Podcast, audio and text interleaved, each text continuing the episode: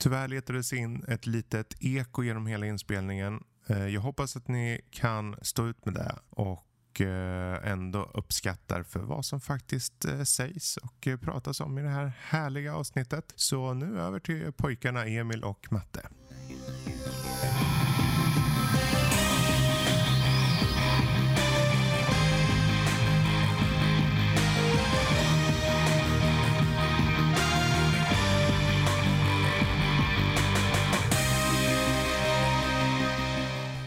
Allihopa och välkomna tillbaka till Kultpodden.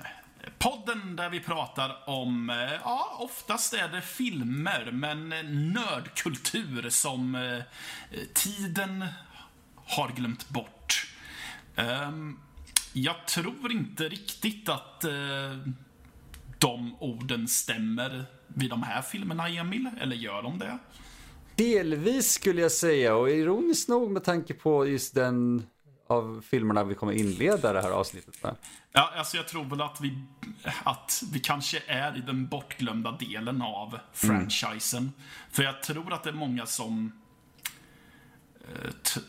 Ja, visst, det finns säkert de som glömde bort att Death Wish fick uppföljare, men hur många kommer ihåg att den fick hela fem?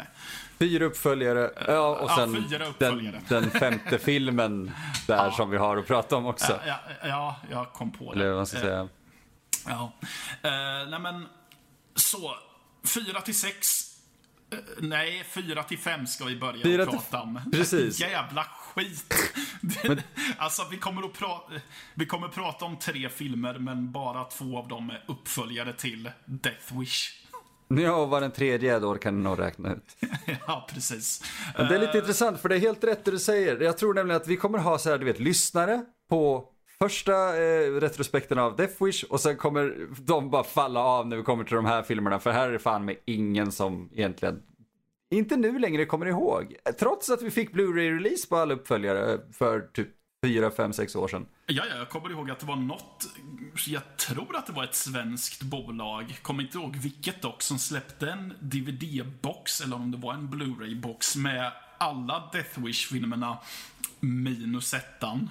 Ja, exakt. Jag har ju uh, faktiskt dem. Fortsätt eh, prata. Jag har ju dem liggandes här. Ja, jag tror att det var om jag inte minns rätt, om jag inte minns fel så tror jag att det är Death Wish-uppföljarna plus Murphys Law. Precis. De, de eh. köpte liksom Canon-katalogen. Ja, precis. För Murphys Law är ju en annan uh, Charles Bronson-film som jag inte har sett. Eh, men, eh, ja, alltså... De är man... danskar, Matte. Vad sa du? De är danskar. Är de danskar? Oh, Soul Media DK. Dra åt helvete. ja, de där jäkla danskarna slipper ni aldrig undan. De tog Charles Bronsons wienerbröd och nu ja. kommer han få ta dem. Nej men alltså man gillar ju Charles Bronson så den kanske är värd att kolla upp. Ja, alltså jag, jag skulle säga det lite för att vi har ju, vi nämnde ju eh, eh, Mr Majestic i förra avsnittet. Ja. Och Mr Majestic är, ja ja, den är fantastisk. Den man som är upprörd för att de tar hans meloner. Eller skjuter ja. hans meloner. ja. Och som vi sa i förra avsnittet med att det låter som att man har drabbats av vansinne, men jo, det är bra på riktigt. Det är bra på riktigt. Ja. Canon gjorde många bra Charles Bronson-filmer. Ja, det gjorde de definitivt. Äh, Tycker du att Death Wish 4 hör till en av dem? Uh, det där är en intressant fråga. Ja. För vi kan ju erkänna att vi faktiskt började spela in det här avsnittet och sen var vi tvungna att göra om det. För att ja, ingen ja. av oss kom ihåg 4 när vi väl började prata om den. Förutom öppningen. Och det ja. tycker jag säger en del om hur filmen i sig är. Precis, jag kommer ihåg, för just nu jag kommer ihåg inledningen, en scen mitt i ungefär och slutet. Ja, för man kommer, slutet är bra. Slutet och öppningen är bra. Uh, och man minns typ plot-twisten. Men, mm. uh, men man, du formulerade det så bra förut och det är just det här att man blir underhållen under tiden. Men när man väl, du vet, säg, säg att man går ut från biosalongen och bara wow, Death Wish 4, den var, eh, den var, den var bra. Ja, ah, men vad hände i den då? Ah, Okej, okay, jag kommer inte ihåg. Han sköt och sprängde folk. Ja, han sprängde folk lite lekfullt och typ mördade någon med hjälp av så här bumper cars. Ja. ja, sen går det typ några dagar och då blir det typ, eh, jag minns att jag såg den men jag kan typ inte säga något om den. Nej, exakt. Därför att vi brukar ju ändå se, försöka se filmer så här eh, eh, veckan vi spelar in och sådär. Ja, ja. Eh, och det har vi gjort med de här. Men det, den här faller ur huvudet, gör den. Den, den gör det. Alltså, som sagt, den har ju en fantastisk öppning i Ja. ett eh, parkeringshus. Då Vi brukar, sällan, vi brukar ju sällan gå igenom så här scen för scen. Men den här, Matte. Hur Ja. sker den här scenen? För den är Nej, bra. Ta nej, den här. alltså- Exakt. Ska jag ta den här Jag, exakt? jag, jag tycker, för den är så jävla snygg. Ja, du- du får hjälpa mig lite också, för Sure. jag kommer inte riktigt ihåg om hon kör in i ett parkeringshus eller om hon ska åka därifrån. Hon ska åka därifrån. Ja, precis. Så det är en tjej som går in i sin bil och ska, ja, vrida om tändningen. Bilen startar inte. Eh, tittar upp och så står det en människa där och tittar på henne. 20 meter bort med så här ljuset rakt ovanifrån. Ja, precis. Eh, för, så hon tittar ner och eh, försöker starta igen. Bilen startar fortfarande inte. Hon tittar upp. Det står en till, va? Eller är det Ja. ännu fler? Ja, det står en till här. Mm. Ja. Eh, Tittar ner, försöker starta, tittar upp. Står ytterligare någon mer där. Tittar ner, försöker starta och eh, den startar fortfarande inte. Hon tittar upp och då är de borta. Nej, nej. Det är det som är Nej. lite kul. De, Ja, nej, de okej. drar ut Ja. på den stund. För att det är det som gör det så obehagligt. För att, men Det vore ju det logiska, eller hur? Att Ja. de försvinner där. Det är det vi känner Ja. till. Precis. Men de står kvar där typ två, tre tittningar. Och sen, när hon tittar upp, så är de borta. Just det, så är det ja. Så man blir såhär, vänta, vad fan var det där? Var, varför Ja. försvann de nu? Och Det- sen... Vad hände sen? Sen så misshandlar de henne. Det blir den klassiska Death Wish. Uh, ah, nu har vi en kvinna här som vi ska våldföra oss på. Dock är ju den här, som du påpekade förut också, den är våldsam, eller ja, våldsammare helt enkelt. För den är mycket mindre naken, den här filmen. Men de slår skiten ur henne. Ja, jävlar vad jag tyckte synd om henne. Det är rå scener. Ja, så fruktansvärt rå. För de här kör väl att de typ ska slå henne groggy innan de inleder akten. I guess. Ja, Och allt men, sker utan så musik i bakgrunden. Men alltså, allt är så obehagligt. Ja, precis. Men så uppenbarar sig Charles Bronson. alltså, han kommer likt Batman och uppenbarar sig här. Han gör Så, faktiskt det. Ja, så de etablerar honom ju nästan som att nu är han typ Batman fast med skjutvapen. Det hade Så- Batman tidigt så det här kan vara en tidig Batman-film. Ja, ja, ja. En tidig eh, filmatisering av Detective Comics här. Ja, det är det inte exakt. alls för det fanns en Batman-serial på typ 50-talet. Ja, exakt. Ja.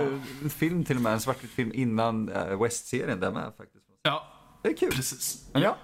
Eh, och då skurkarna tittar på honom och blir lite till sig och så uh, who, who the fuck are you? Death, säger han och bränner av ett skott. Med, med sin så här väldigt ikoniska röst. Du gjorde den väldigt bra där. Det här. Precis. Det jävla dumt. Ja.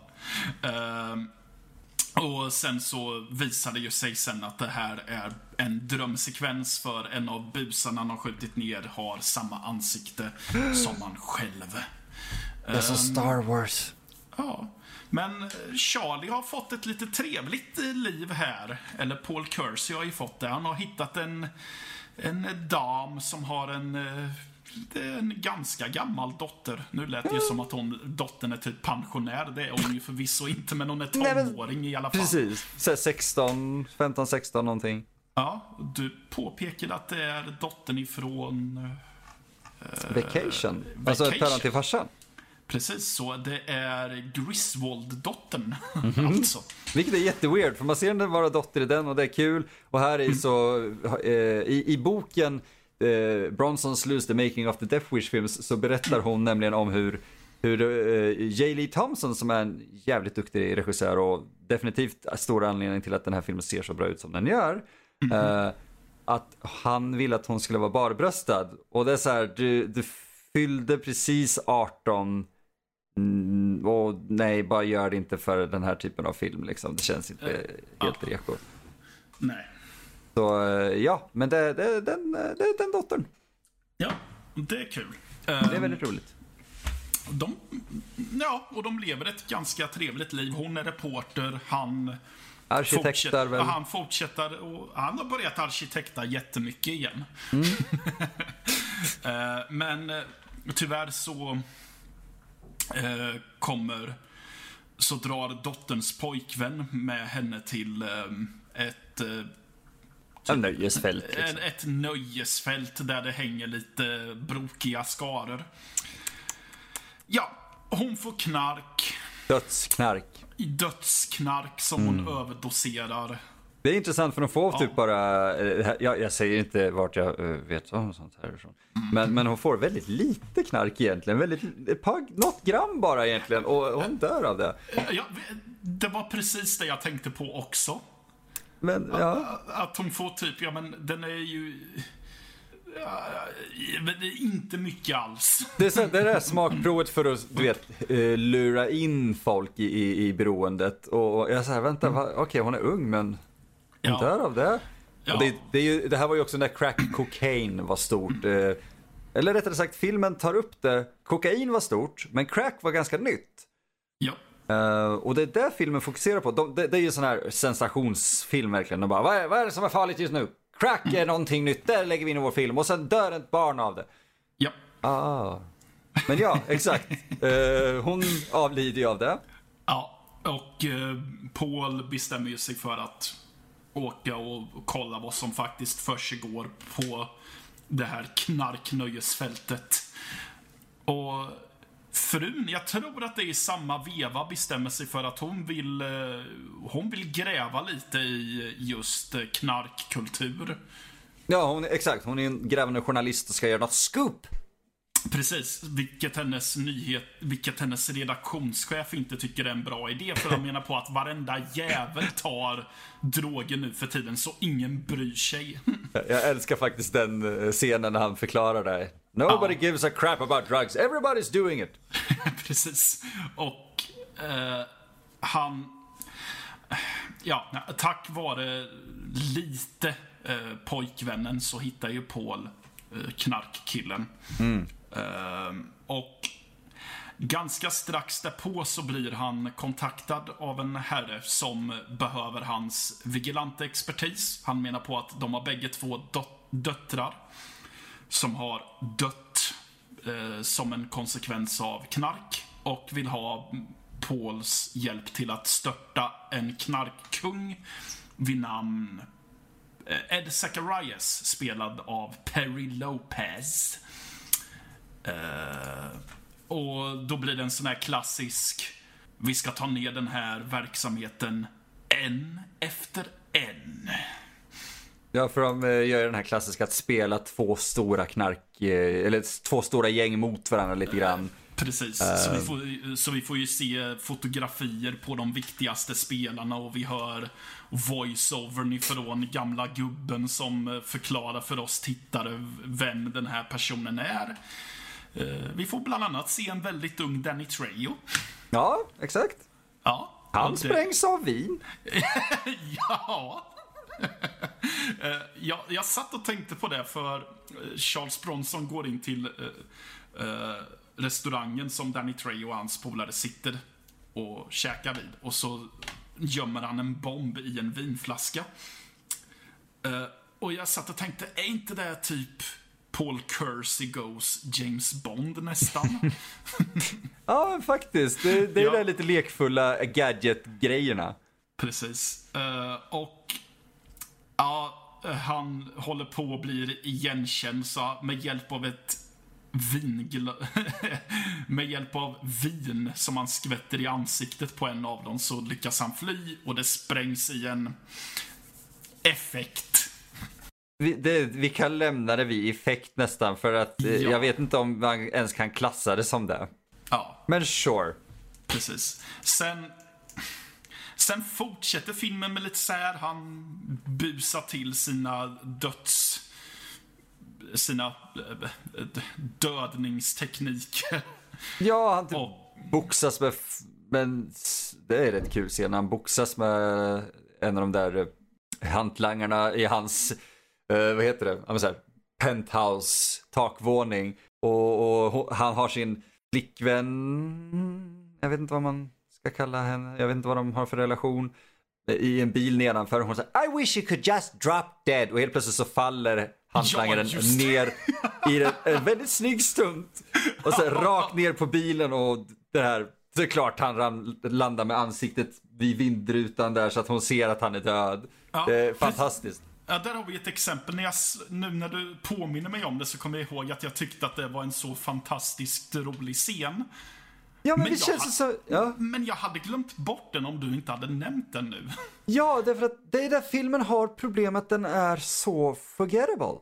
Ja, för jag skulle komma till det. Han dödar lite folk. Vi får en plott om...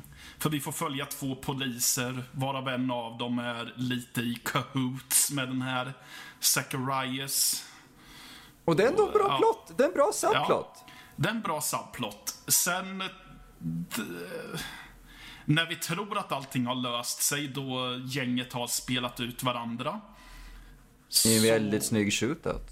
i en jättesnygg shootout. Och jag satt för mig själv och kände att i en perfekt värld så hade eftertexterna börjat rulla nu. Men eh, nej, det måste ju göras fler saker. However, we can't just be 40 minutes, Matthias. Nej, We're gonna have to så- put more violence into it. Precis, som... Det kan ju inte vara så pass straight att eh, gamle gubben är den han utger sig för att vara. Så vi får ju en twist där. Det, är typ sen- film, det här är, det är den enda, ser, enda plot-twisten i hela serien. Ja, det är det. Eh, ja, ska vi... Fuck it, Ska vi avslöja bara, på. Eh, Ja, ja, det visar sig att den här gamla gubben eh, inte hade rent mjöl i påsen alls. Han ville, han ville bli av med konkurrensen, helt enkelt. Han är typ, jag, han beskrivs som liksom den tredje knarkkungen. Och man säger, Ja. vänta va? Ja, Var precis. fan kom det ifrån? Ja, så jag... Det känns som en... För det är ju en annan aspekt också och det känns sorgligt att påpeka och det är ju hans kärleksintresse lever ju fortfarande. Ja, men hon, exakt. Och det är lite konstigt för jag glömde bort hennes eh, plott lite grann. För den dyker Ja. upp här och där. Men de gör inget intressant med den. Nej, de, de hade kunnat eh, växla perspektiv eller kanske graviterat mer mot hennes perspektiv. Men då hade man väl tappat all publiken. Eftersom att då hade det blivit mindre Charles Bronson som skjuter människor. Jo, men den här filmen börjar ju också, här börjar man verkligen känna av att Bronson är inte ung längre. Det, det, det, när han blir nedboxad själv i den där lägenhetsfighten så kände jag där, nej men herregud, han är ju 69 eller någonting här. Snälla sluta slå pensionären. ja, ja, precis. jag blev verkligen orolig där. Så, så jag hade inte haft några problem att se hennes liksom, story spela ut sig istället för Bronson som säger Och Visserligen, han var i väldigt, väldigt bra form. Han. Men Ja, det men känns han- fortfarande mysko. Han är fit för att vara så gammal. Ja, jag tror till och med, är det den här filmen som han har en scen där han är barbröstad? Eh, Jag kommer faktiskt inte ihåg. Men Jag har jag tror det. det. Ja, Ja. att han, här, han ska precis ta på sig en tröja efter att ha eh, vaknat eller någonting. Man bara wow. För jag minns i, i den här boken som jag nämnde så pratades, eh, pratades det väldigt mycket om du vet, conflicting ideas lite grann. Alltså många hade olika minnen av, av, eh, av Charles. Så de sa hela tiden Charles i den så det var väldigt fin, fina återberättelser om honom och vissa var fruktansvärda. Men det eh, pratades väldigt mycket om att han tränade extremt mycket fortfarande under den här. Han gjorde du vet så här 100 armhävningar varje dag fortfarande. Okej. Vid nästan 70 års ålder. Precis, och alltså... Så vi får ju helt enkelt ytterligare en plott där eh, kärleksintresset blir kidnappat och eh, han måste sätta sig på sin häst och rida efter till undsättning. Eh, ja. ja. Hade de bara hållit det ifrån det här så hade det blivit en, en mycket mer underhållande film. Ja, det hade det definitivt varit, men som vi var inne på förut. Jag gillar slutet. Slutet rättfärdigar den plotten. Ja, och jag vill faktiskt inte säga vad som händer i slutet. Nej, det Men- håller jag med om. Men för vad, den här, för vad den här filmserien var ifrån början så är det här ett jättebra slut för en sån här film. Oh, ja. tycker jag. Ja, Det, jag, jag, är, jag är glad att de tog den, eh, Ja. den eh, svängen. För jag känner att här är det ett slut som har... Det kändes faktiskt som att det är ett slut som har de tre föregående filmerna i beaktning. Definitivt. Lite så. För Definitivt. att det känns så... Det känns så hopplöst på ett sätt. Så här, men vad är ens poängen med att jag fortsätter? Eller något sånt där. Och, Och det, det till och med understryks med att eh, den här subplotten med poliserna, eh, att eh, det, det, den kom ju också till sin slutpunkt eller sin, eh, sitt crescendo här och Ja. hade kunnat ändra allting. Eh, och jag gillar verkligen Precis. det. Det, Ja. det. Det är ett bra slut. Det är ett jävligt bra slut för, som den här filmen inte förtjänar. nej, nej, nej, nej, definitivt inte. Och jag skulle säga att den har en inledning som filmen inte förtjänar heller. För, det, alltså, som du sa, de har en bra regissör. Ja, regissören är grym. Eh, Ja, precis. Fan, han heter igen. Han heter J. Lee Thompson. Han var rätt gammal. Han var typ 74 när de gjorde den här. Ja, men det känns som att de har gett honom det här och han har stått lite eh, smått uppgiven och undrat, jaha, men vad fan ska jag göra med det här då? Ja, för ja. Det, det här var ju en sån där film, du vet, eh, eller ett sånt projekt rättare sagt, där manuset skrevs ju, du vet, det skrevs kanske fem, sex olika manus. Eh, Och jag vet Mm. att det, det fanns ett som var jätte, alltså sjukt intressant som jag verkligen hade velat se. Eh, Jag minns inte exakt vad det handlade om, men det var mycket mer person, det var du vet, mer personligt igen och mycket mer eh, contained. Och problemet där var att eh, Charles Bronsons fru hade fått cancer under den här perioden och filmen kretsade kring att hans då liksom kärleksintresse den hade cancer. Så han sa I don't wanna make a cancer picture. Så gjorde de inte det och vi fick den här. Ja. Så, men men det, det, bra folk, bra producent, bra regissör, bra författare och ja. fuck, varför blev den inte bättre? Nej, jag vet inte. Alltså, det- De hade ju också börjat dra ner budgeten något otroligt eh, under uppföljarna här nu. ja, och det har ju sina förklaringar. Det här börjar ju, alltså, Canon börjar ju sjunga på sista versen här. Precis, det här Om, är ju... om de till och med inte redan sjunger på sista versen.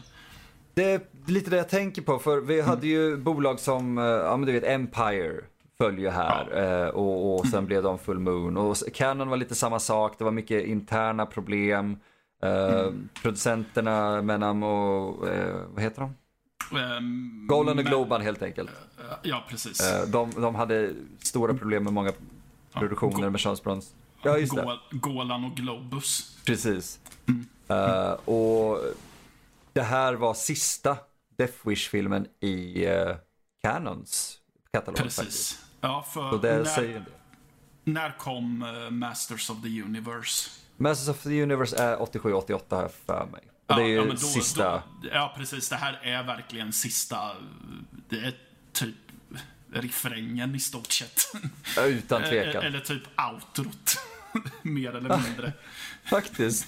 Jag, jag Ja. för mig till och med om det var den här som du vet, kom ut på video, direkt på video här i Sverige. Det var första Death Wish-filmen här för mig som kom ut på video direkt här. Ja, precis. För det gör... För, för fans av den här typen av film så vet man att eh, sista spiken i kistan var ju Masters of the Universe med Dolphan. Exakt.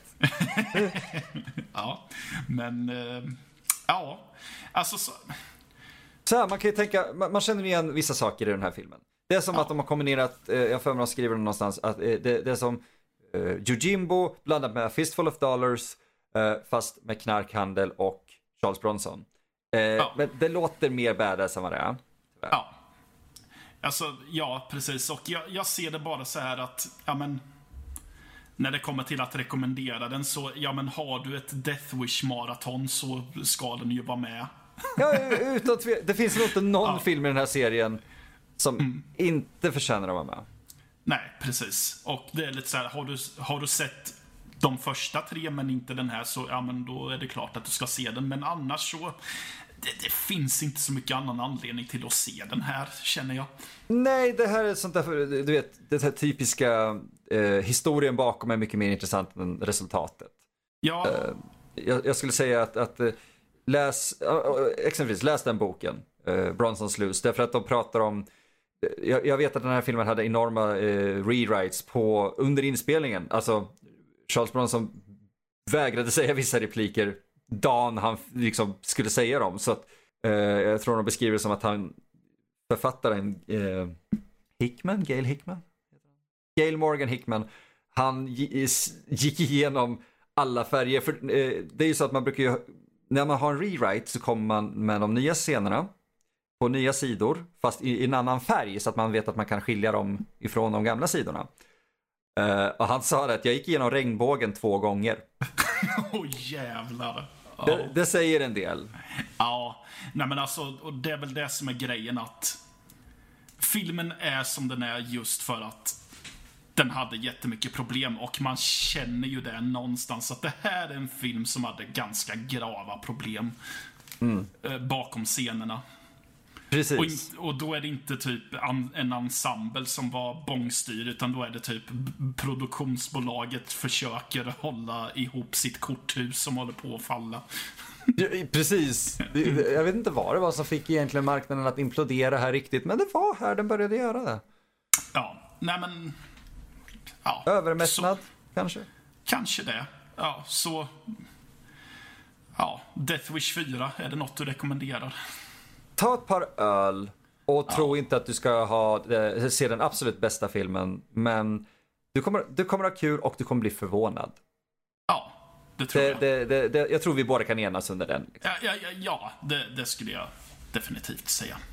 Den, den lagerfilm. En lagerfilm. Mm. Utmärkt, min herre. Åh! Eh, vidare, Mattias. Ja. vidare. Och då är vi... en- Oj, jäklar. Nu du. Vi är sju år framåt nu, i ja, stort sett. nu är han gammal den fan. Uh, jajamän, det är han. 1994 har vi här Death Wish 5. The Face of Death. Va? Det är så här, va? Varför, varför heter den The Face of Death? Jag, du, jag satt hela filmen och, igår och funderade på varför den heter så. Ja, jag kan nästan säga att den här borde ha hetat The Crackdown med tanke på typ vad den handlar om. Ja, det, det är väl lite knark och grejer här också. Ja, men det är ju, det är ju, det är ju mycket, det, här har, den här har ett konstigt upplägg. Ja, alltså till att börja med kan vi ju säga att nu har han ytterligare en ny... Han har ett nytt kärleksintresse med en tonårsdotter. Ja, som vanligt. Ja, och den, den här, det här kärleksintresset är en modedesigner.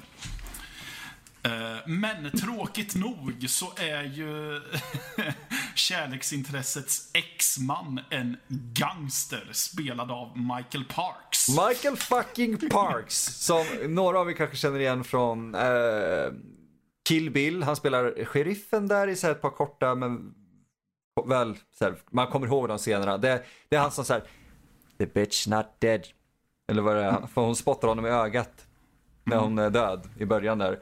Och Precis. han är även med i Task. Så det här är, det är ändå en skådespelare vi har sett. Det här är en, eh, eh, Han, han är också med i Death Proof, Planet Terror och From Dusk Till Dawn som Earl McGraw. Exakt, han är fantastisk i Dusk to Dawn han.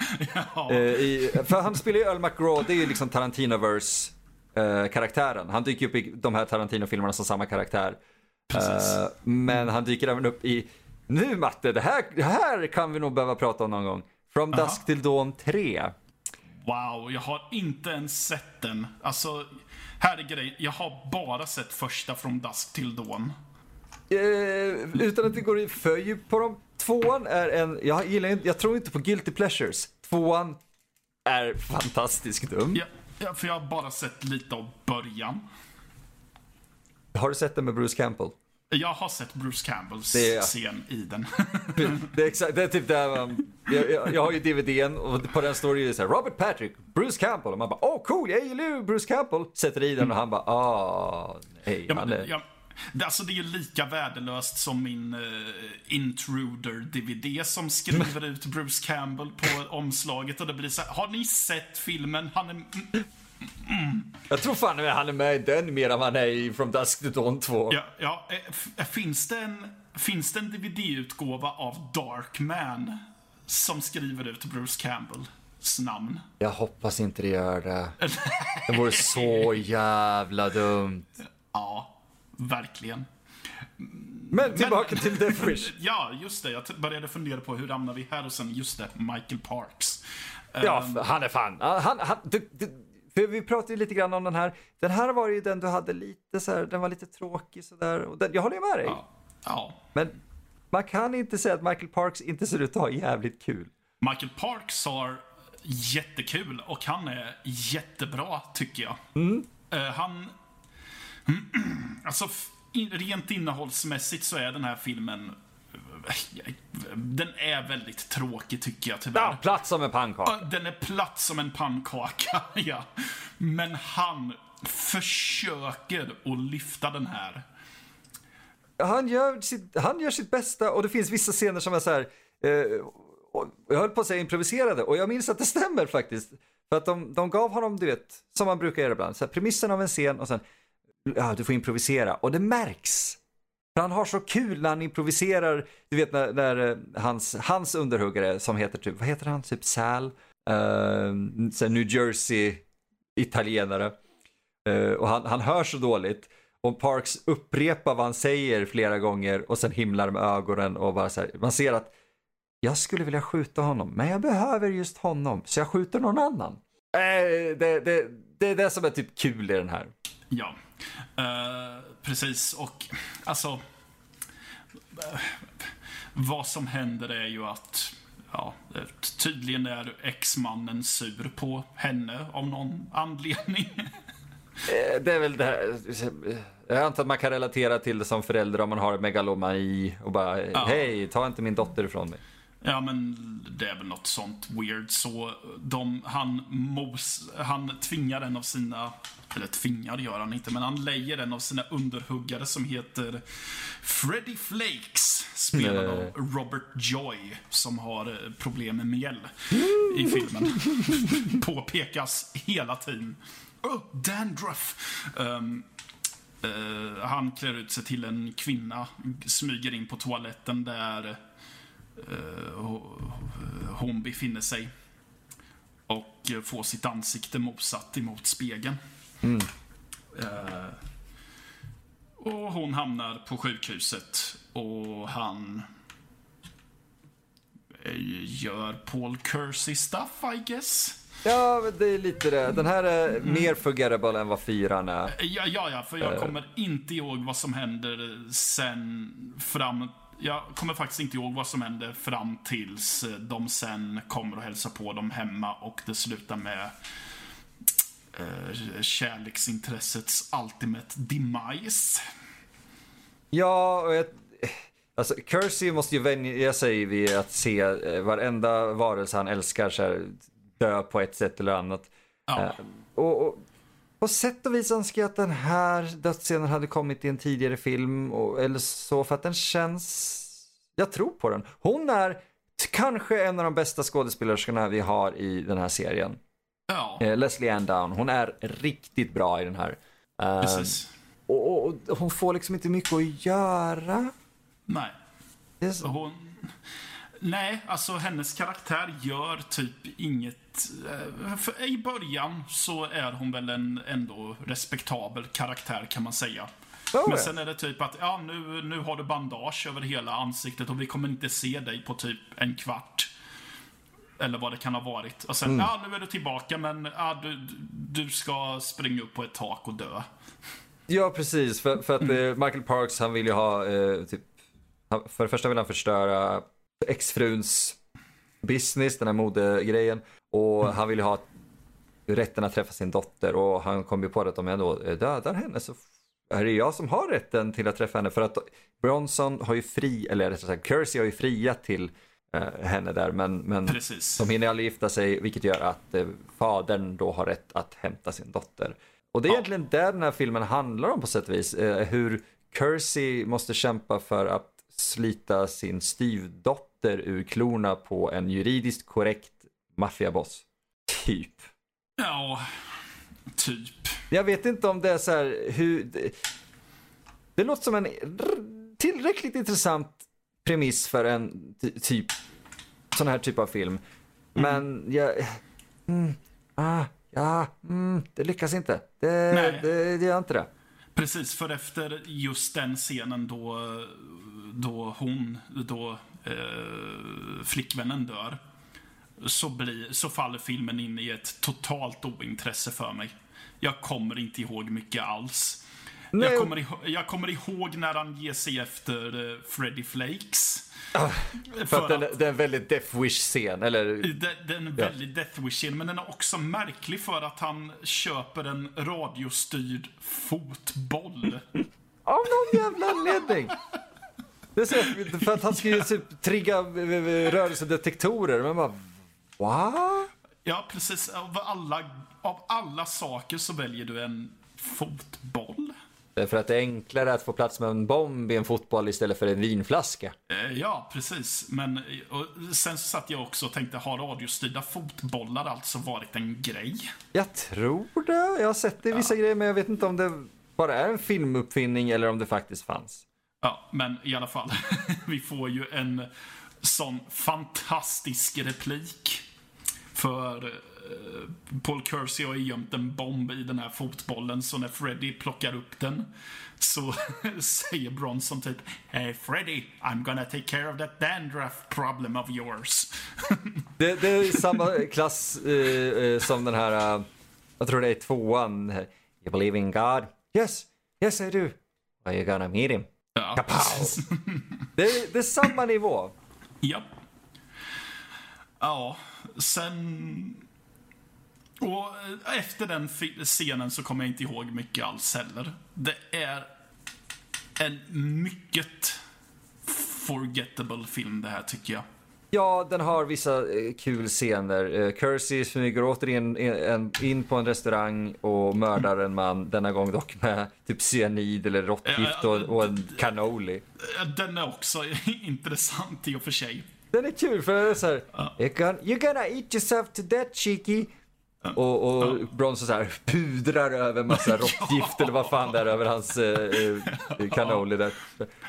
I'm gonna, för hans, hon servitrisen så här, ja, you're gonna eat yourself to death, you're gonna get fat, you're gonna get, be, become a blimp. Och, och snubben så här, I'm I'm, go- I'm gonna be a happy blimp. och skrattar överdrivet mycket, vilket är kul. Och sen cyanid. Ja. Det är fantastiskt obehagligt att se Ja, egentligen. och, och det ger också upphov till en ganska fantastisk scen med eh, Michael Parks. Där Ja, det är han, ja. Hans underhuggare säl och en tjej. Och tjejen ska... Hon får för sig om att bjuda dem på någonting. Hon bjuder dem på eh, Hon, cannolis. ja, hon bjuder dem på cannolis som är bakverket som dödade Cheeky.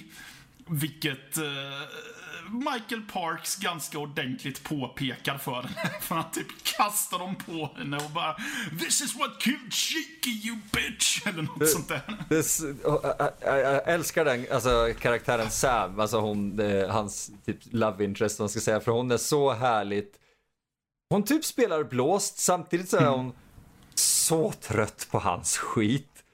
För, Ja. för det är någon gång, han ligger i, i en soffa och typ tittar på henne. Hon håller på att klä på sig för någon, de, de ska någonstans. Och så ser han hennes typ höft eller ankel eller någonting. Och bara, Sam, Sam. Och hon typ, huh? Get over here, it's showtime. Och så ser man att han typ tittar ner mot sitt skrev och hon bara himlar med ögonen. Ja. Och, och sen så påpekar hon någonting om hans penis eller något och så hör man bara hur hon blir slagen och typ Åh!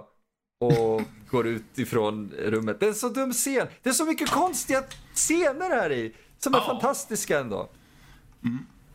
Precis.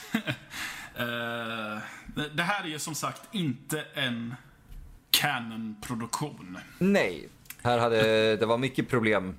Canon Ja. fanns på pappret, men det var ju på grund av konkurs och grejer.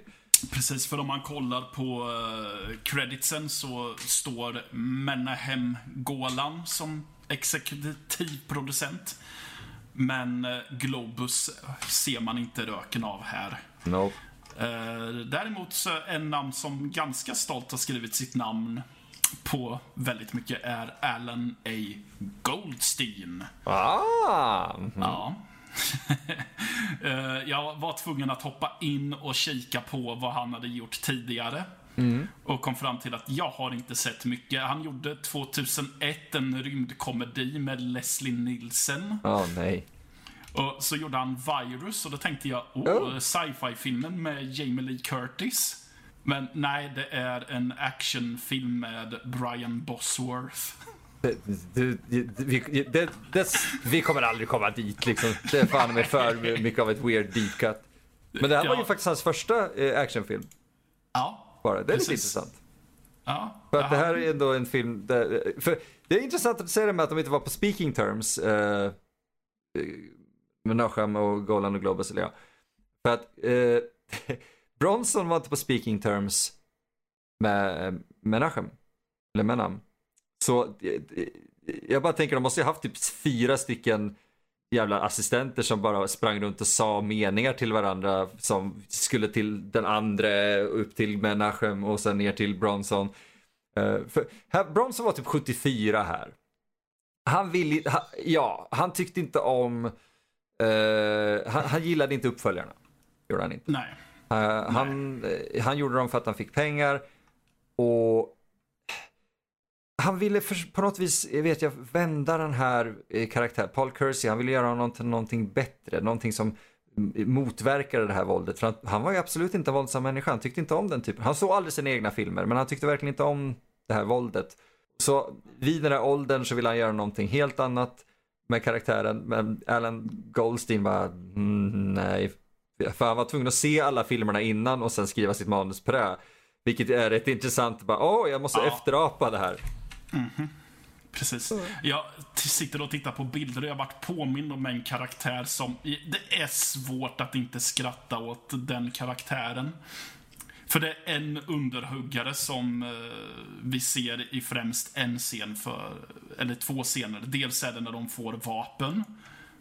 Och sen så är det när de ska försöka skjuta Paul Kersey. För folk har ju problem med Christian Bales Batman-röst.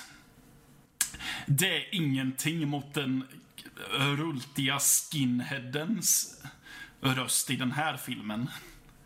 Där det är praktiskt taget omöjligt att höra vad han säger. Ja, gud det går verkligen inte. Förutom när de får vapnen, för då hör man honom säga Nice. Ja, men det är typ det enda. Det är så jävla ytligt. Och, och det där var inte en överdrift, han pratar typ så. Och det blir typ, men herregud, what? Sluta, skärp dig. Ja, alltså det, det, det, det är weird. Det här är en Sen- weird produktion. Ja, sen finns det en fantast... Det finns dock en jättekul men också jättekonst... En fantastisk men jättekonstig scen i en kyrka.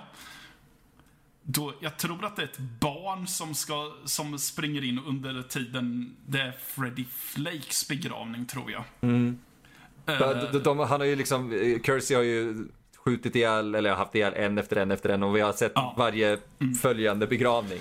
Ja, och så är det ett barn som sliter upp dörren och börjar springa in och alla på kyrkbänkarna vänder sig mot ingången och höjer sina vapen. De har blivit så härligt paranoida. Det, det är det. Bron, Bronson vill ha in mer svart komedi och jag tycker det faktiskt lyser igenom här och där. Ja, ja, den, just i den här scenen så är det jättetydligt och jag älskar att de har prästen till att säga Children, why are you having your guns to the church? Så härlig jävla ADR. Ja, Det, så, ja, jag tror Så- den här filmen mådde bra av det. Ja, det tror jag. Men tyvärr är vi väl tillbaka till samma grej som vi sa om fyran. Att det här är en film som där det var jättemycket konstigheter bakom scenerna. Oj, mängder. Vi hinner inte gå igenom allt. Nej, nej, nej, men det, det märks när man tittar på den, framförallt när man är färdig, så har man känslan av vad vad var det här ens? Ja, för att eh, sista repliken är lite bitterljuv eh, faktiskt. Och det är lite lustigt att den är med med tanke på allt som skedde. För att eh, det är ju, vi har inte förklara hela den grejen, men det är en polis igen som eh, Kersey har hjälpt och räddat eh, från att dö. Och eh, Kersey går därifrån, från så här brottsplatsen. Och så säger han typ, eh, Hey, är officer, Call me if you need me, give me a call if you need help, säger han typ. Och så så freeze frame eller vad det är och eftertexter. Och det här var sista filmen med Charles Bronson som Mr. Death själv. Ja, och det här är den av eh, Charles Bronson-filmerna som har konstigast slut. Ja. För här är det lite, men försöker ni sluta på en positiv not helt plötsligt? Det känns som slutet av en... Det känns som slutet av eh, en tv-serie ungefär. Alltså inte slutet på en hel serie, utan vi har sett ett avsnitt av uh, Paul Kersey Cleans Up Town eller något sånt där. Jag hade så tittat på den serien. ja, jag försökte komma på någon Vigilante-tv-serie, men jag kom inte på någon. Punisher. Renegade var väl lite så... Ja, eller var lite åt Punisher. det hållet. Men jag försökte komma på typ... För på- Originellt. Ja, men jag tänkte 80-90-tal där det är lite mer pampig, eh, pampigt slut och inte nu är det eftertext i 10 sekunder och så kommer nästa avsnitt. Nej, men det är lite så det känns. Men det, det är liksom, det är inte jättekonstigt för jag tänker, eh, han som skrev den här, med Michael Collery, han skrev ju filmer som Face-Off sen och Lara Croft Tomb Raider och det är ju mycket mer i den stilen. Ja. Eh, så man ser vart det kommer ifrån. Ja. Ja, just det. Det gjordes en Tarzan-film 2003. Att du, det gjorde en Tarzan-film för typ tre år sedan. Ja, med en av Skarsgård. eh, Ja, exakt. Jag tror. Alexander. Ja. Ja, titta, vad, kul att vi pratade om Darkman förut, för han skrev ju Darkman 3, Die Darkman Die också. Oh, Arnold Oslo Darkman. Andra och tredje. Precis. De är eh, underhållande. Jag har faktiskt inte sett trean, men jag skulle vilja se den för att jag vill se eh, en tidig film med Jeff Fahey. Ja, just det. Ja, men jag kan rekommendera trean ändå där. De är Ja, underhållande. ja, precis. Men tillbaka till Death Wish 5 då. Det är ju... Filmen, liksom, de fick ju budgeten via att låna pengar och vet, försäljare och det gick ju åt helvete. Ja. Eh, den, den drog in typ 1,9 har jag för mig ska säga. 1,7 miljoner på en 5 miljoner dollars budget. Uh, filmad i Kanada. Den första filmen som var filmad uh, någon annanstans än, än studio, eller i en on location. De använde en studio i Toronto. Det, det är mycket här som är första för serien och även då sista. Och tyvärr, de skulle ju ha gjort en, en, en uh, Death Wish 6, The New Vigilante. Som skulle fortsätta serien men utan Charles Bronson. Men 21st Century Film som gjorde den här, inte 20th Century Fox, utan 21st Century Film eh, blev bankrutta och projektet. Men eh, ja, Ja, ja, vad säger man? Eh, Jag, säger, jag stryker under på samma sak som jag gjorde med femman. Att har du inte ett maraton eller om det inte är så att du har sett alla förutom den här så jag har svårt att hitta en anledning till att se den här filmen. ja, alltså det här är verkligen en, en, en eh, du ser den om du eh, har sett de andra. Ja, Det, det, om du vill ha mer Paul Kersey skjuter folk i ansiktet så är det den här. Det är inte ens så mycket sånt, men det är den här då.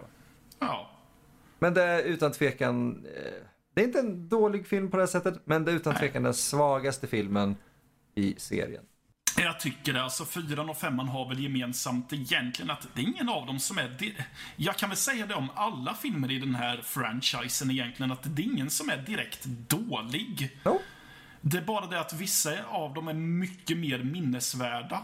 Och vissa är typ och är underhållande under tiden du ser den, men du kommer att glömma bort efter typ en dag att du har sett den. Ungefär. Exakt, och, och det är lite synd, men jag är väldigt glad ändå att vi hade fem stycken original Death Wish-filmer där.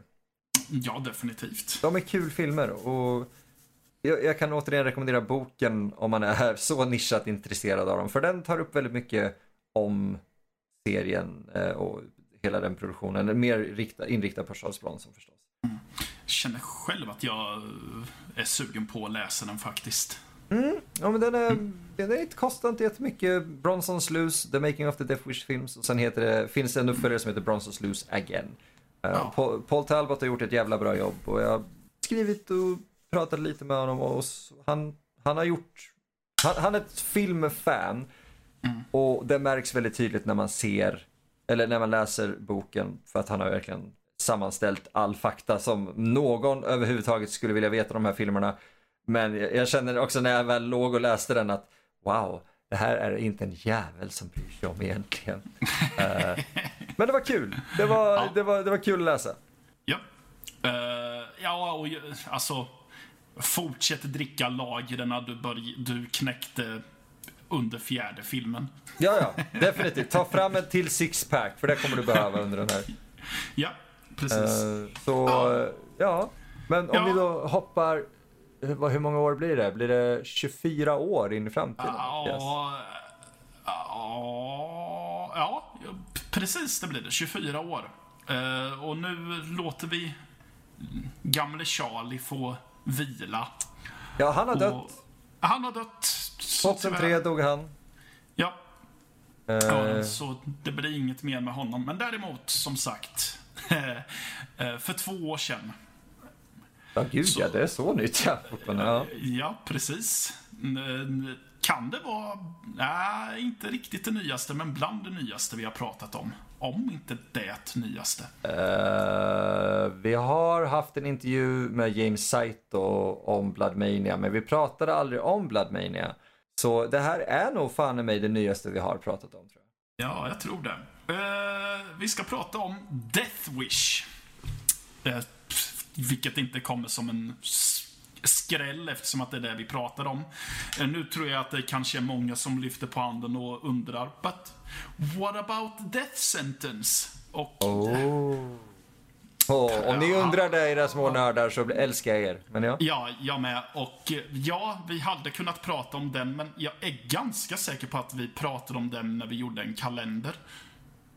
Jag har skrivit om den i en kalender vet jag i alla fall. Och jag, ja. Vi hade den på listan att prata om den. Ja. Och, och, vi tog ju upp den tidigt eh, i förra mm. avsnittet också. Och det är ju det att Death Sentence är ju Brian Garfield, alltså han som skrev Death Wish-novellen. Det är hans respons på filmen sett till vigilantism. Och den eh, hör inte hemma i serien helt enkelt. Trots att den Nej. behandlar samma sak och har samma karaktär. Precis, men vi känner att vi vill prata om Paul Kersey. Mm. Ja, precis. Vi måste ju bocka av all, alla Death Wish som finns, bockar vi av. Ja, och det här, den här tog vi mest bara för att, ja men när vi ändå håller på så varför inte? Precis. Så ja. då är vi framme vid Eli Roths Death Wish. Precis. Eh, det står att manuset är skrivet av Joe Carnahan, men det har du ju klargjort under tiden vi såg filmen att nej, det är inte mycket av hans manus som är kvar, tydligen. No. Det, var... det kan ju Nej. du mer stå till svar, kan ju mer du svara för än vad jag kan. Ja, jag tänker vi ska ta och ändå läsa en, eh, en av de första scenerna lite kort ur eh, manuset. För anledningen till att hans namn står där är Hollywood rättighetsbullshit och grejer och lagar och skit. Writers Guild of America helt enkelt eh, såg till att han hade sitt namn där fast han inte ville. Och det var typ nio andra författare på den filmen och fixade och trixade och höll på. Vilket ledde till att hans manus finns knappt kvar, men skelettet är där och då är det han som ska ha cred. Jag tror det är 60%, om det är 60 eller 40% kvar av det du från början skrev så räknas det fortfarande som din film. I alla fall, jag vet att det är så med DJ. Uh, eh, och uh, han uh, släppte manuset gratis på nätet för alla att kunna läsa hans version istället. Exakt det. Uh, och jag tänker, jag läser en del här ur manuset. Uh, jag hade det här. Just det. Här har nämligen Paul Kersey fått uh, i, i, rollen som, inte som en arkitekt utan som en uh, akutkirurg, jag ska säga, en kirurg på akuten. Så det är lite svårt att hitta um, just den scenen, för jag såg en scen här och tänkte, ja men den är bra. Men vem är det som är med i den här filmen medan jag letar upp den här scenen, Ja, Matte? precis. I eh, rollen som Paul Kersey, som Emil påpekade, är en kirurg och inte en arkitekt, spelas av Bruce Willis. Eh, hans eh, fru Lucy spelas av Elizabeth Shue. Eh, och så ser vi också en Cal Camilla Morone som eh, deras gemensamma dotter Jordan Kersey, som är hurtig och spelar fotboll och har kommit in på bra skola och grejer i början av filmen. Eh, vi får även se en eh, Vincent D'Onofrio som eh, Pauls bror. Eller? Frank Kersey, ja. Frank Kersey, ja. ja. Då borde de vara bröder, ja. Jajamän. Precis. Och eh, de lever ett ganska, ja men det är lite typ the American dream. Do, dotter, far och mor har jättebra relation och eh, alltså farbrorn verkar ha lite ekonomiska eh, bekymmer får vi lite reda på där. Men eh, Paul Kersey som eh, jobbar med att rädda liv. Han är, han är en väldigt bra eh, kirurg, får vi reda på. Hans tillvaro vänds ju upp och ner för att eh, hans... Eh, för att det är några skurkar som har bestämt sig för att råna deras hus för de har fått reda på att det finns värdefulla saker i ett kassaskåp. Så de kommer dit och det slutar med att eh, frun eh, dör till följder av eh, skadorna hon får och dottern hamnar i koma. Yay. Ja, och Paul blir ju frustrerad över att det känns som att polisen inte kommer framåt tillräckligt mycket. Och eh, efter att ha begravt sin eh, fru i eh, hennes hemstat och prat, haft en spännande åktur med sin svärfar. Så bestäm, så börjar han hamna i att det kanske är lika bra att skaffa sig ett vapen och ta tag i det här själv. Och av en slump så faller ett vapen från en förövare ner på golvet i akuten när han, räddar hans, eh, när han håller på att rädda den här skurkens liv. Och Ja. han plockar på sig det och därifrån börjar allting. Precis, men det är också lite, den scenen är också lite underlig på ett sätt. No shit. För, för vi, har, vi har precis innan har vi sett honom kom, gå till en eh, vapenaffär som har en eh, attraktiv tjej som gör reklam för vapen och jag kommer inte ihåg vad de heter, typ Jolly Rogers eller något sånt där. Ja, någonting Ja. sånt. Eh, typ, eh, ja. Eh, Mängdrabatt och hela skiten. Mängdrabatt och hela skiten. Det är typ som om man går till en klädaffär eller en skoaffär. Så beter sig folket som jobbar där. Eh, där blir han ju avskräckt att skaffa sig ett vapen, känns det som. Ja, jag tror det avskräckte och sen lite det här att de kommer kunna, för han frågar ju, eller förhör henne lite grann. Eh, och så, han, jag tror med, han pe- påpekar kameran för han tittar på kameran där och Mm. där, ah, okej, så om jag köper vapen och allting så kommer det hamna på papper och dokument och han, ja, ja absolut, det är så det kommer vara. Ja, ah, okej, så om jag nu använder ett vapen härifrån så kommer det leda, eller koppla Ja, mig det. till. Det är där den scenen är till för och den, de Ja. gör en bra återkoppling till den sen. Ja, jo, Eh, men- det, var bara det att den föll över huvudet. Men sen så, ja, som Att sagt. den är inte väl hanterad är den inte. Nej, precis. Och vi var ju inne på det att i den här vapenaffären så känns det som att de har möjligheten till att göra något satiriskt över USAs va bisarra vapenhandel. Men de väljer att inte göra det bara. Ja, alltså Eli Roth är ju så här. Vi behöver inte gå in på personligt tycke egentligen. Men, men eh, han eh, försökte väl med någon form av satir med Hostel. Det gick som det gick. Och Ja. det känns som att det är samma sak här. Att det finns en tanke någonstans. Men den når inte någonstans heller. Nej, utan... Ja. Och det Så- blir så tondött dött att vi, vi, jag måste hoppa till den scenen för det finns, Ja, jag, jag hittade. Mm. nämligen den scenen jag ska eh, läsa upp här. Men jag tänker just, det som visar hur tondöv den här filmen är, Mm. är ju när han väl har det, här vapnet som han har plockat upp från akuten. Ja. Och han eh, sätter sig och försöker, med YouTube-videor lär han sig hur han laddar och, och hur han skjuter. Samtidigt så spelar de, eh, vilken låt är det? Back in Black med AC/DC. Ja, vilket är jättekonstigt. För visst, jag diggar eh, vapen i toner till eh, AC/DC. Åh, Don't gud, ja. get me wrong, men jag vill inte ha det i den här typen av film. Inte när det handlar om, åh oh shit, jag måste tänka på att eh, jag, måste hämnas på min döda fru och ah, mitt liv är så jobbigt och åh, fuck, shoot the thrill! Ah, Okej, det är den jag önskar att de hade haft, istället var det back in. Alltså det var Ja. så, den så mysko-scen för tonen ändras i nästa scen igen till något mycket mörkare och hemskare liksom. Ja, alltså den, filmen är så, vi kommer ju komma tillbaka till det här jättemånga gånger, men filmen är så fullständigt schizofren i Ja, sin ton. Den växlar mellan att det ska vara en emotionell actionfilm med ett budskap till att vara nej, nu ehm, är det övervåld och Bruce. Willis som skjuter gangsters och vi ska ha elgitarrer och gangsta-rap. One-liners och han är cool och bara ah, inte i den här filmen. Eh, och ja, jag, jag ber om ursäkt men den här scenen, eh, den är inte jättelång men jag kommer läsa hela den här. För att tänk er då, fucking back in black, Bruce Willis, one-liners, skjuter folk, eh, nio olika författare, ingen fattar ton. Och så, eh, det här är då Joe Carnahan, eh, hans manus från början. Vilken scen är det? Eh, det står faktiskt inte vilken scen det här är. Men den är ganska tidigt, jag tror det är scen fyra. Okej, alltså jag tänkte, vet vi vad som har hänt i filmen innan? Det som har hänt i filmen, det, det är det, de har ändrat så jävla mycket. Ja. Det här är- det är ingenting kvar av det som händer egentligen. Oh, okej. Eh, han har, i manuset här så har han eh, visat sin, eh, sitt motstånd, eller säger, nej jag gillar inte vapen, jag har inga vapen, det är ju galet. Han har visat att han är en skicklig ja, kirurg och så. Det, det, jag funderar på om jag skulle ta den scenen först, för den är fantastisk, men den här scenen talar mycket mer för tonen. Ja. Eh, För att han går ju in i getton och skjuter folk i den här eh, filmen som finns. Men det här är en väldigt talande scen. Så. Interior, emergency room, day.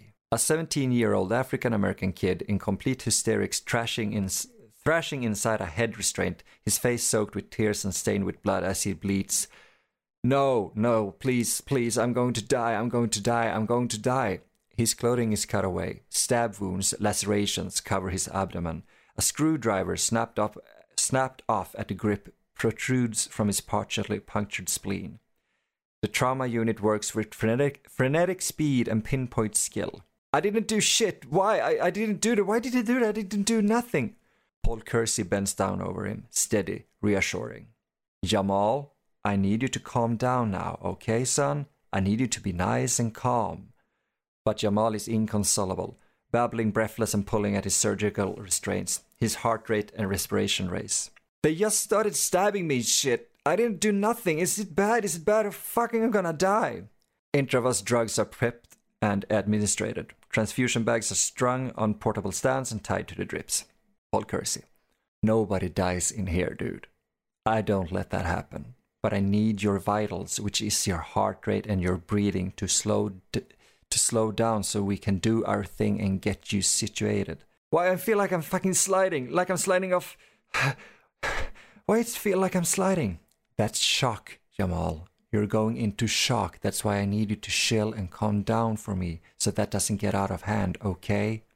Sweat cascades down the kid's face as he clutches the table, distracted by the swarm of activity swirling above, his eyes darting everywhere. Paul tries to hold his focus. How old are you, Jamal? Jamal, how old? 17. 17. You're a good looking kid. Big kid. You got a girlfriend? Jamal shakes his head no. Ah, so you got a couple of them. Janine, who is nearby prepping the anesthesia, grins. My daughter Amanda is 16. Matter of factly, where do you go to school? Jamal seems overwhelmed, seems overwhelmed, terrified. Paul places himself directly in the kid's eyeline. Where do you go to school? A beat. Jamal winches as they insert a shunt into his side. Hillcrest in Englewood. Paul doesn't miss a beat. So does my daughter. Jamal blinks. Blinks again. Head cocked. What? Nah, I'm playing with you. She goes to Archer on the west side. She's a pain in the ass rich kid. Janine carefully affixes a respiratory mask over Jamal's face. Janine, I just want you to breathe now, Jamal, okay? Slow and steady, hon.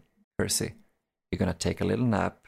When you wake up, there's gonna be all these flowers and good food, and your whole family's gonna be here. Cool? A sluggish nod as Jamal succumbs and slips away under the anesthesia. Percy dons his scrubs and pulls on his surgical mask, staring down at the partial screwdriver impaled in Jamal's side. He sighs, shakes his head. Let's get this poor kid patched up. Det är så mycket som händer i, i den scenen. Ingenting av det är i slutet, eller är i själva filmen. Nej. Ingenting i närheten av det där finns. Det finns en scen där han pratar med en ung kille som inte har en koppling till någonting egentligen. Nej. Den, han, är bara, han är bara där. Ja. Och gre grejen är den att hade man haft en sån här scen så hade det verkligen varit eh, hans roll som läkare och kirurg hade verkligen varit prominent. Ja. Han Men här, som filmen är nu så är det vid tillfällen då jag till och med Just det, jag glömde bort att han är läkare. Ja, man, det, det, det är typ ett tillfälle, den absolut bästa scenen i filmen, det är enda gången de kopplar tillbaka till det. För att han är kirurg och han vet hur han ska u- utföra bra smärta. Precis. Det är alltså, jag, jag, jag blir så förvirrad. Jag blir så ledsen med, för Car- jag har läst merparten av den här för länge sedan och nu har jag börjat läsa det, här manuset igen, uh, ungefär en fjärdedel in. Eh, det finns så mycket här i som jag tror hade funkat perfekt för en Death Wish remake. Ja, ja, alltså. Det finns stoff för bra grejer här i, tycker jag. Det finns några riktigt... Det finns också några riktigt snygga actionscener. Eh, Faktiskt. Även de som inte är over the top. Som jag känner, de här hade funkat även i en Death Wish-film, känner jag. Som det finns en shootout i en eh, bar som också säljer stöldgods. Den, den, jag tyckte den var eh, för jävla actionfilm. Men det är också där filmen okej. försöker vara. Ja, jo, men jag kände att mm, kanske hade funkat i en Death Wish-film. Ja, lite mer återhållsam så hade den funkat utan problem. Eh, Ja, ja, ja, ja, alltså alla actionscener skulle ju i stort sett behöva vara återhållsamma. Det, det är sant, jag, jag backar på den. Ja, den här funkar Ja. bäst av dem. För det är så många död, det är så många dödsscener som Paul Kersey levererar som är så over the top. Och också lite weird. Väldigt out of character. Ja, jag menar redan i början, när, alltså det, första gången vi ser honom använda ett vapen mot människor är vid ett tillfälle då han är tvungen att kasta sig omkull på marken och skjuta mot en bil. Och visst, de har en fin detalj att han eh, gör illa handen av eh, Manteln. mantelrörelsen. Men eh, i samma scen så har han inga problem med att gå och skjuta en skadskjuten man point blank och typ ja, avrätta honom i stort sett. Mm, exakt. Och det här är en snubbe som inte har skjutit en enda människa innan. Han får förvisso någon slags ångest sen. Men Den typ undermineras av att någon spelar in en video av hela händelsen, lägger upp den på YouTube eller någonting och när han ser den så blir han lite så här: oh, oh. Ja, ja, precis. För de, de etablerar lite ångest hos honom där. Han ser några snabba flashbacks. Sen så är det som att regissören har bestämt sig för att ja, det är allt ni behöver se. Ja. Men det är ju fucking Eli Roths jävla memo nästan, eller memo. Ja, för vi pratade ju om det i förra avsnittet, att första gången Charles Bronson skjuter någon i eh, första Death Wish, alltså han skjuter från höften och han är jättestel när han gör det. Alltså han, eh, ha- han fryser i stort sett i sin position och vänder sig om och bränner av.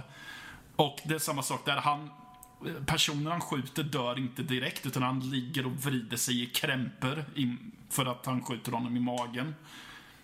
Men han avrättar honom inte, utan han springer därifrån istället. Precis. För att han inser, jävlar, jävlar, jag har skjutit en man, jävlar, jag måste bort härifrån. Och det, man känner paniken då, man gör det. Och här är det mer, ja, nej, han sköt någon och antingen dör de eller så överlever de till sjukhuset och det blir inget lidande. Och den här typen av film, Death Wish Storyn behöver lidande. Ja, Förutom uppföljarna. Det här känns som en av uppföljarna. definitivt. För Paul, för Paul Kersey utstrålar ett sånt självförtroende när det kommer till att skjuta gangsters där det känns som att ja, men det här måste han ha gjort förut. Ja, när han börjar med one-liners och ACDC så är det verkligen så. Ja, för det blir lite så här att, ja, han har, han har fått, eh, det är säkert någon, ja men vi har ju sett honom skjuta på en Detour-skylt i Sure. sitt garage. Ja, men han har skjutit mot en jävla skylt. Det är en helt inte- annan grej. Ja, inte fan får du så mycket confidence att nu kan jag skjuta livslevande människor. Och framförallt inte nu. Jag har skjutit en Detour-skylt, så nu kan jag knalla in i getton och skjuta på folk på öppen gata. Vilket han gör två gånger eller vad det är. Det är jätteweird. Han skjuter en sån här Ja. knarkboss rakt upp och ner. eh, mitt på ljusa dagen, iklädd i en hoodie bara. Det är Ja. en jävla udda scen. Aha, där har han faktiskt en one-liner, I'm your last customer. Bang, bang, bang, bang. Ja, precis. Som, där, där, där sa vi att ja, men det där känns som en Paul Kersey-replik. Men återigen, det känns mer som en av uppföljarna. Ja, det är just det. Det känns hela tiden som att den, vi ser en uppföljare som försöker eh, emulera, eh, eh, ja helt enkelt försöker vara första. Fast inte lyckas. Lite som tvåan. Men tvåan, det är ju det, tvåan har den här typ, uh, we gonna meet him. Eh, och det känns som att det här är samma, lite åt samma håll. Det känns Ja. som att den, eh, det här är en remake typ av Death Wish 2. Ja, precis. Alltså det, det är någon som ska göra en remake av... Ja, men precis. Det känns som att Eli Roth har glömt att det är en remake på första filmen. Men han har typ tvåan som sin favorit, så det är den han tänker på när han gör filmen. Exakt, och det är klart det vore han som har den som favorit. Ingen har tvåan som sin favorit. Helvete heller. Första eller tredje. Ja, jajamän, det har vettiga människor. Och jävlar vilken åktur det hade blivit om vi hade sett en remake av trean med Bruce Åh. Willis. Du, du, då hade jag varit så såld. Då Ja. hade jag älskat den. Om trean hade haft, om en remake på trean hade varit i den här tonen, det hade funkat galant. Ja, För lite, så här, lite allvar och sen mord. Ja, och jag menar som sagt, jag eh, räknade ju upp några skådespelare och de är bra. Jag menar, förutom det så har vi ju Dean Norris, som jag tror att de flesta känner igen som Hank ifrån Breaking Bad. Han är bra i den här. Ja, ja, det är han. Eh, Eller varför inte Tony från Total Recall? Ja, oho, snyggt, snyggt, snyggt. ja, precis. Eh, Han, han är också bra, men han är ju nästan gjord för att spela Han gör bara den, de här rollerna. den typen av poliskaraktär. Han, han är väl typ, har väl blivit en karaktärsskådis nu för tiden. Utan tvekan, men jag tror han har kul med det. Ja, ja, han verkar ha jättekul och han är ju en av de bättre grejerna i den här filmen. Ja, han har ju sin så här, eh, svarta kollega med lite sass eh, och sådär. Och man bara okej, det, är- det är inte 80-talet längre men, men det är lite roligt ändå. Eh, men han har ju en av de roligaste replikerna, eh, eller situationerna, det är när, när filmen har misslyckats att vara en Death Wish remake och ändå blir typ sin egen vigilante-film. Vilket sker i princip under filmens bästa eh, scen där Paul Kersey mördar en man med en bil. Eh, och efter det så accepterar man det mesta.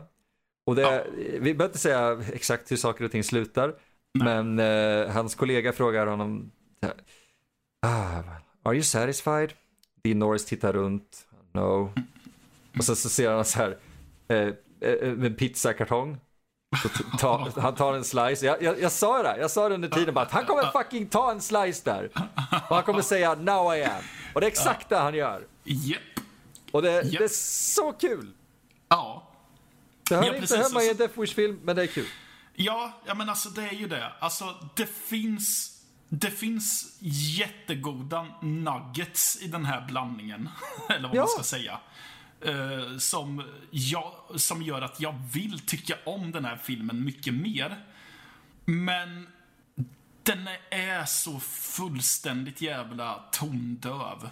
Helt. Den vet inte vad den vill. För ena stunden så vill den ha ett budskap om eh, USAs bisarra vapenlag. Eller vapenhandel menar jag. Eller det är vapenlagen med förvisso.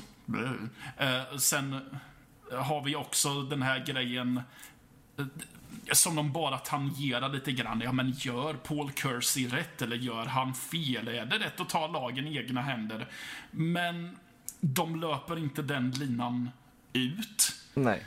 tillräckligt utan de bara lyfter upp den för att ja, vi måste väl göra det här annars kallar folk oss för våldsgalningar. ja. Men om ni inte kan göra tonen rätt, var våldsgalningar, ha kul. Ja, för... eh, Ja, jag hade väl nästan uppskattat det mer. Ja, För, I så fall. Men sen är ju frågan om jag fortfarande hade kunnat acceptera att det var en Paul Kersey. det är det som är intressant. Hade det här varit, jag, jag önskar så att vi faktiskt fick en uppföljare till den här. För jag vill se dem leka mer med, med hela grejen. För Ja. det är som sagt, det är inte en dålig film. Det är verkligen bara inte Carnahan-manuset som är långt jävla mycket mer troget till vad Death Wish bör vara. Uh, s- Gör en till film och ha kul. Men jag tror inte att de kommer kunna göra det för att de tror att den här är allvarlig. Ja, tyvärr så är det ju så. tyvärr. Eh, Men vi pratade ju också om det, att hade de bara nailat tonen så hade vi så hade vi fått se en intressant tolkning av Paul Kersey, tror jag. Oh ja. Men är inte det tondöva ett, ett, ett genomgående tema för Eli Roth? Om vi tänker tillbaka på Green Inferno också. Jag, jag har fortfarande inte sett den. Oh, Okej, för den, den är ett jävla haveri också av tondövhet. Eh, Det känns, Ja. han, han säger, "Ah, nu har vi lite kul, nu har vi lite skämt och nu gör vi en fruktansvärd film. Och man bara, "Va? Du har diarréskämt mitt i det här och de är äcklade mer åt det än att deras vän blir uppäten. Vad fan håller du på med? För övrigt 2015s absolut bästa komedi. Ja, det, jo, det, det, det, det har jag hört dig säga. Och Ja. jag har, för, för grejen är den att jag har inte... Jag...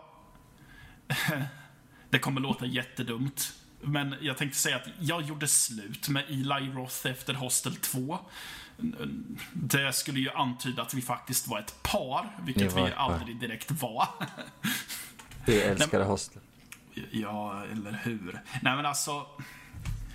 Grejen med Eli Roth är att ha, jag vill tycka om det han gör. Ja. För att han är... Jag tror inte att han är överdrivet mycket äldre än... Okej, han är väl född på 70-talet förvisso, så han är väl en bit äldre än vad vi är. Men ändå inte överdrivet mycket äldre. Vi växte upp på samma typ av filmer. Eh, Ja, precis. Och jag vi, så och han är ändå upp, han har ändå gett upphov till att ja, men det har gått en kannibalfilm på bio. Eh, det går en vigilante actionfilm på bio som hade en väldigt grindhousig eh, trailer, vilket i och för sig var det som var en avgörande faktor till att jag inte såg filmen ifrån början.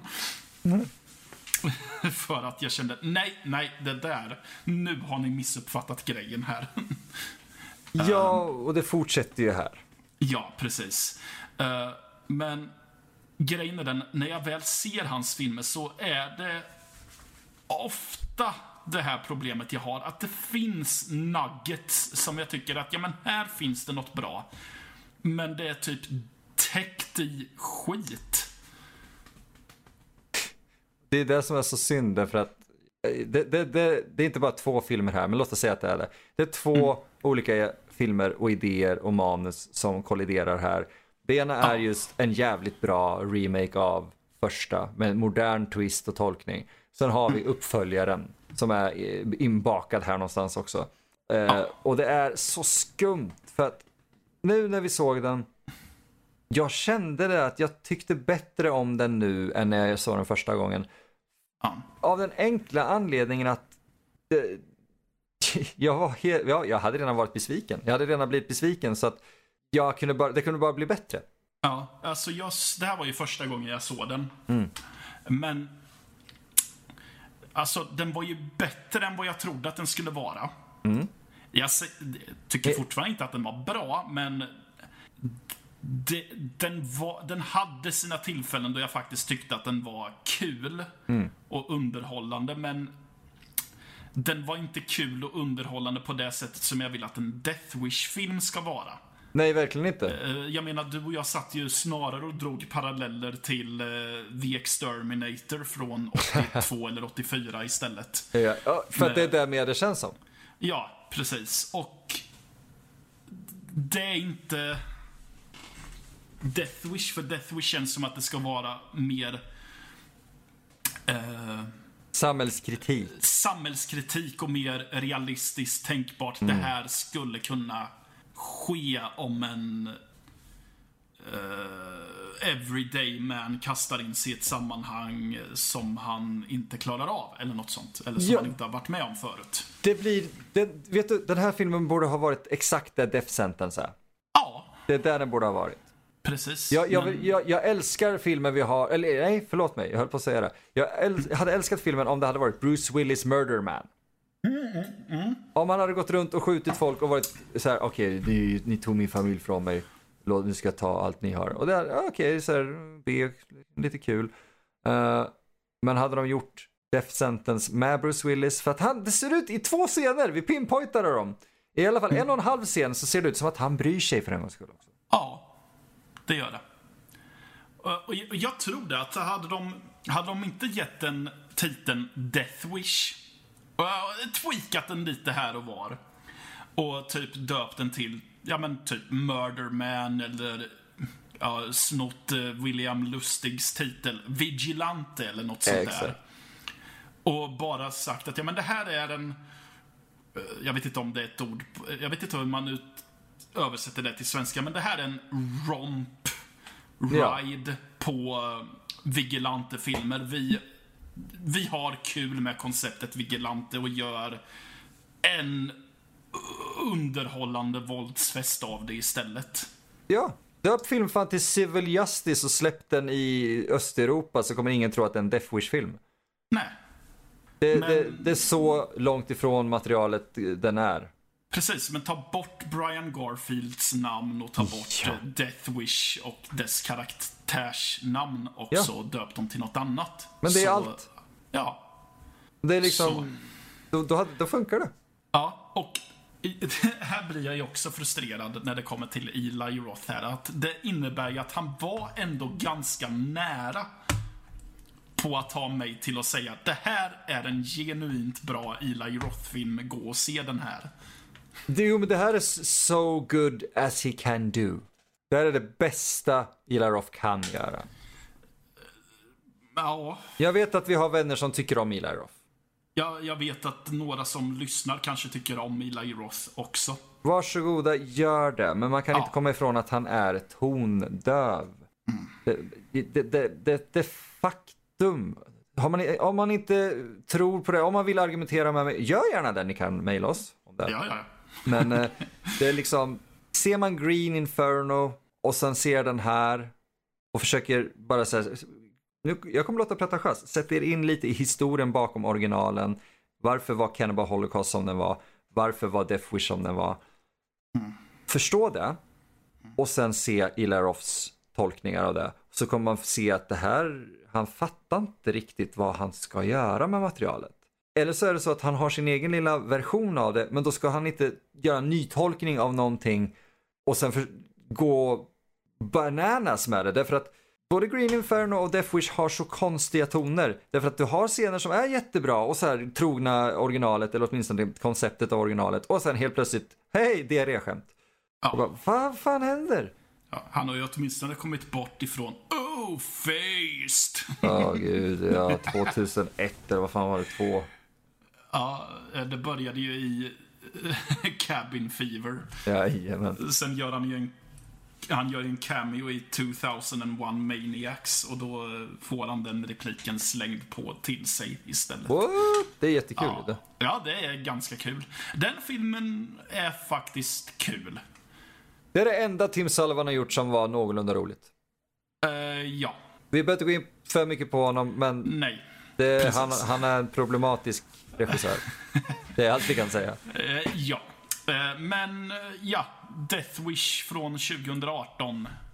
Rekommenderar du den? Se den. Ja, jag säger det Den, också. den är kul. Ja, se den. Eh, ja, Kolla bara inte på omslaget eller planschen för jag har inte sett en så stor Photoshop-katastrof en professionell produktion på väldigt länge. Eh, nej, jag håller verkligen med om det. Det är slutbilden av filmen kan vi säga, som refererar slutbilden av första filmen. Men de har photoshopat in den på ett jävla lustigt sätt med pistol och grejer. Mm. Ja. Eh, Men den är värd att se. Ja, alltså jag säger, jag säger det också. Den är, den, den är sevärd. Den är inte jättebra, men den är sevärd i alla fall.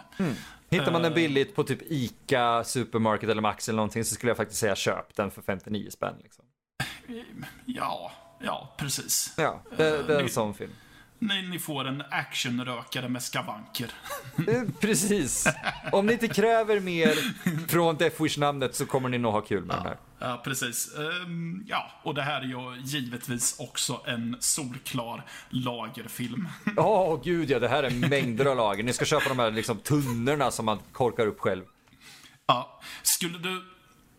Hmm. Om man skulle ha ett Death Wish maraton skulle man inkludera den här också? Ehm, Och skulle, skulle man då börja med den här eller skulle man ta den här sist? jag skulle nog ta den där sist.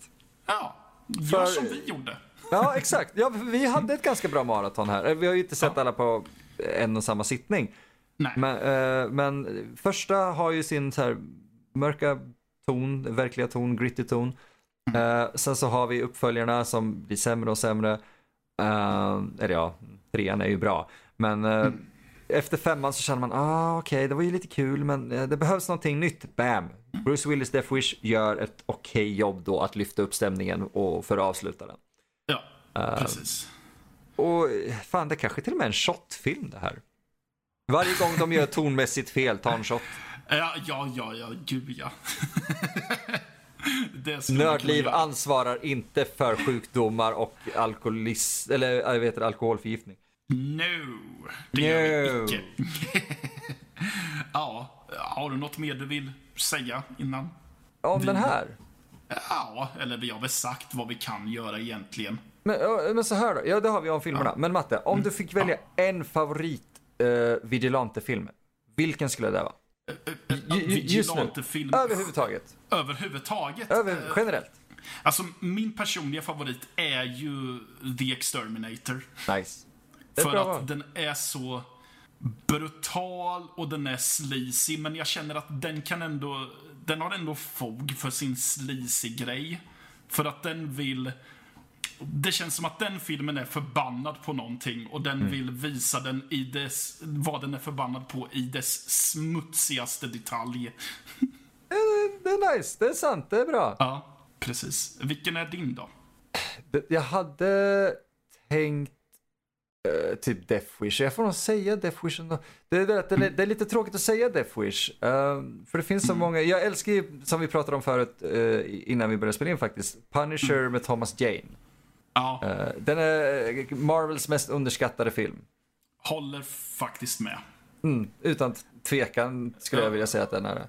Ja, jag tror att innan vi eh, tittade ens på Death Wish så vet jag att jag tror att jag frågade dig varför har den filmen fått så mycket hat? Eller hur? Den är skitbra relativ lågbudgetfilm. Jag kommer ihåg att de klagade om att den, ja det var lågbudget och de hade typ, ja, i alla fall över 20 miljoner att göra den för.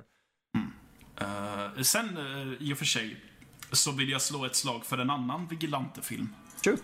Som jag, som jag tror har försvunnit för många och det är William Lustigs Vi- Vigilante. Ja, ja. Utan tvekan. För den... Man tror att det ska vara en supervåldsfilm, men den är, har väldigt mycket mer djup och tar upp just problematiken med att ta lagen i sina egna händer. På ett Ja. Väldigt bra sätt. Och jag gillar att man får se uh, framförallt Fred Williamson i en inte super over the top karaktär. Men visst tänkte du på Fred Williamson när vi såg Death Wish 4 och snubben och han, eh, Charles Bronson och han boxades i lägenheten? Ja, jag tänkte ja, hela tiden, det här så- borde varit Fred Williamson. Såklart jag tänkte på honom. Eller hur? Och, ja, och sen i eh, samma film, vi får också se en Robert Forster i en Ja, jävlar. ganska trevlig roll. Som den stackars familjefadern som drabbas av tragedierna. Ja, just exakt.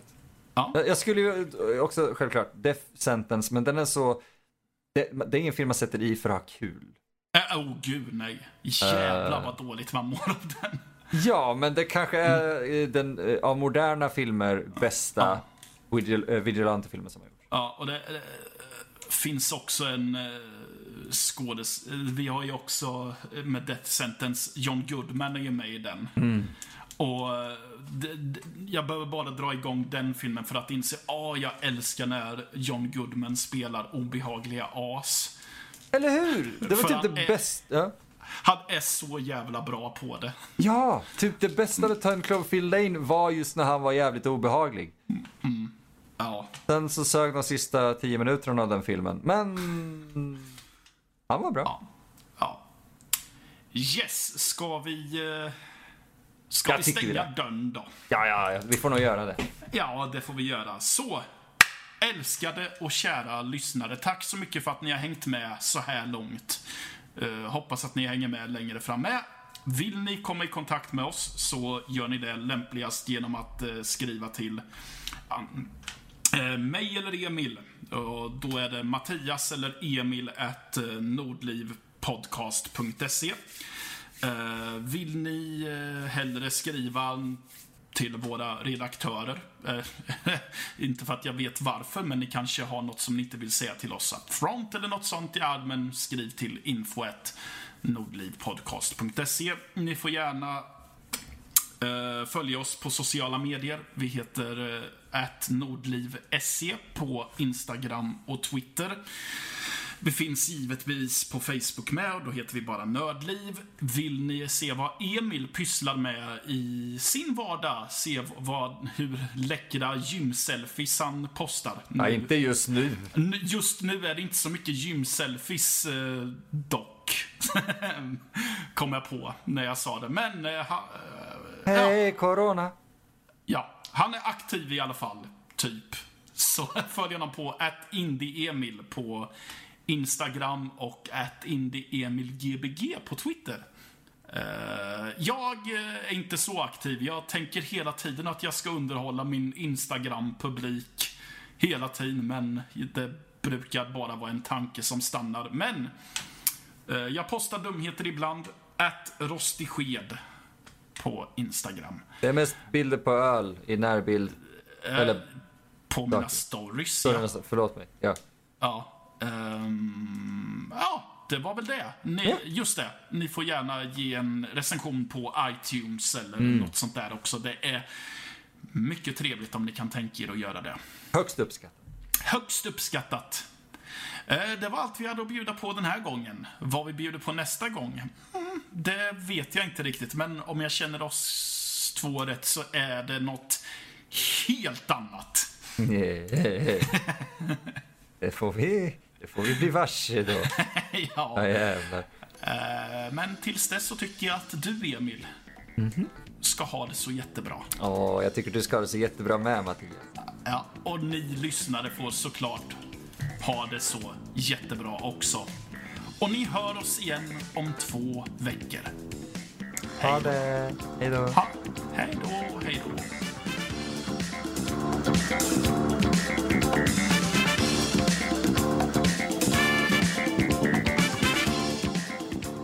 Kultpodden produceras för Nördliv Podcast.